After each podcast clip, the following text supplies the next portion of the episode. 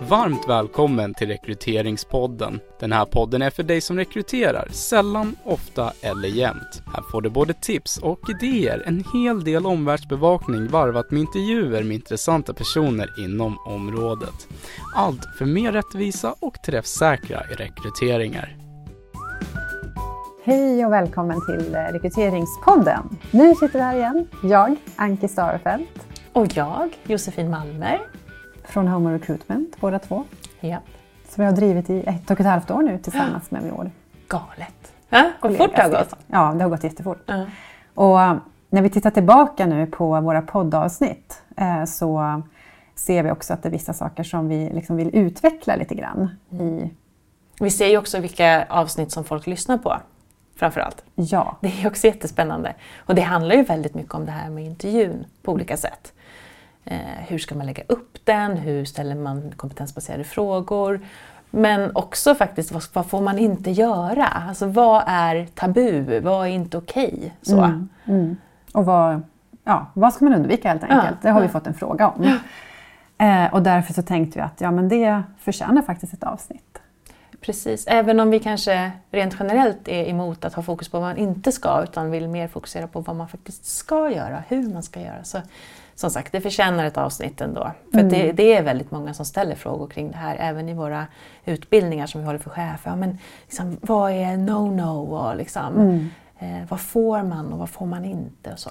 Mm. och sen så ser vi också, som vi har nämnt tidigare tror jag, att det går ju ofta runt trådar på LinkedIn där folk undrar vilka frågor man, vilka är de bästa intervjufrågorna och mm. sådär och vilka är de sämsta och så. Mm. Så att eh, det är ju mycket funderingar på det här. Helt klart. Ja.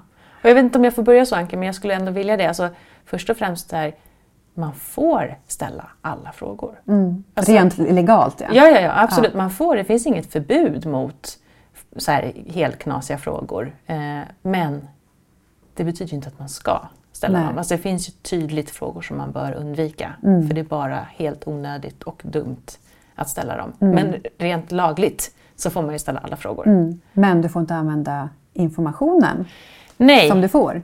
Och det gör det ju så himla kruxigt mm. för att vi kan ju liksom inte eh, bortse från den information vi får till oss. Alltså rent eh, mänskligt så kan vi ju inte ta till oss av det vi får eh, mm. utan allt det här kommer påverka oss. Mm. Så därför så behöver vi undvika dem också, vissa frågor. Exakt. Mm.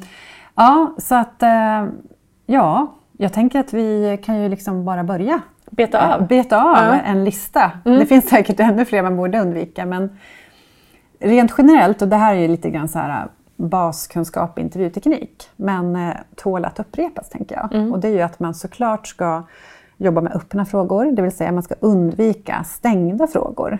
Det vill säga frågor som då kan besvaras med ja eller nej. Mm. Eh, förutom då såklart vid ett tillfälle och det är när man behöver bekräfta någonting och stämma av någonting. Har jag uppfattat det korrekt, att det var du som var ansvarig för budgeten i det här tillfället? Ja, ja eller nej? Det. Ja, mm. så. Men annars så undvik stängda frågor. Ja. Eh, sen så ska man ju också såklart undvika frågor som är ledande. Alltså, du brukar ju ta den. Eh, det här med personalansvar, känns det som någonting som du har tyckt har varit roligt eller lite mer så som en belastning? Mm. Alltså, ju... Eller hur tänker du kring den här typen av ledarskap ja. som jag precis har berättat ja, om? Men exakt, exakt. Vad ska man svara? Ja. Så att, eh, och det här är ju faktiskt inte helt ovanligt, att den här typen av frågor ändå halkar ur en, så att säga, mm. om man inte är superförberedd till exempel. Mm. Så att eh, ledande frågor. Och det du sa, som, det är ju också ett exempel på en dubbel fråga. Precis, det är både och. Ja. Eller att man, eh, hur tänker du kring det här och det här? Mm. Att man bakar in flera frågor i en och samma. Mm. Så. Inte bra. Inte bra alls. En annan sak som vi också alltid tar upp det här. Ställ ingen fråga till din kandidat som du inte skulle kunna ställa till alla de kandidater som du träffar för den här rollen. Den är jätteviktig. Och exempel på en sån fråga kan ju vara så här, ja men eh, du som är 55 år, vad tänker du om att snittåldern här hos oss är 27? Exakt. Så. Den kan man ju inte ställa till alla kandidater. Nej, precis. Mm. Och den är många av de här frågorna som inte kan ställas till alla kandidater. Hur tänker du kring det här med barn? Ska du ha fler barn? Eller, Mm. Till exempel. Eh, är ju också potentiellt diskriminerande. Alltså ofta är man inne och tassar på sådana områden som faktiskt har någonting med våra sju diskrimineringsgrunder att göra. Mm. Och, och då är vi inne på det som vi pratade om precis i början där att man får ställa den frågan men som sagt du får inte ta, hand, alltså, du får inte ta hänsyn, du får inte fatta beslut utifrån den information du får i det svaret. Precis, och det blir ju svårt såklart. Eh, och är det någon kandidat som då tycker att de faktiskt har blivit bortvalda och är övertygade om att det skedde på grund av den här informationen som de faktiskt var tvungna att ge då för att de fick den här frågan. Så är det ju faktiskt upp till oss som arbetsgivare eh, att eh, säkerställa, eller att bevisa. Vi sitter med bevisbördan. Nej, jag fattar inte beslutet på den här informationen. Visst, jag ställde frågan, men...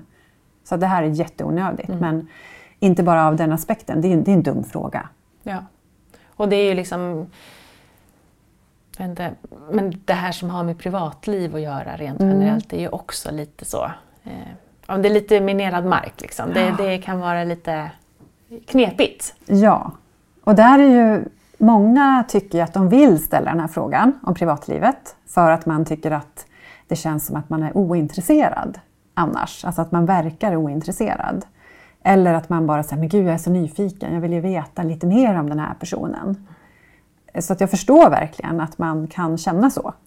Men det är ju eh, väldigt lätt hänt att den här informationen eh, att man dels börjar ställa massa följdfrågor och sen så har man en massa information som man inte behöver utan som bara gör att det blir mer det blir svårare för oss att fatta beslutet. Det, blir liksom, det blir mer kladdigt, så att säga. Mm. Ja, men faktiskt.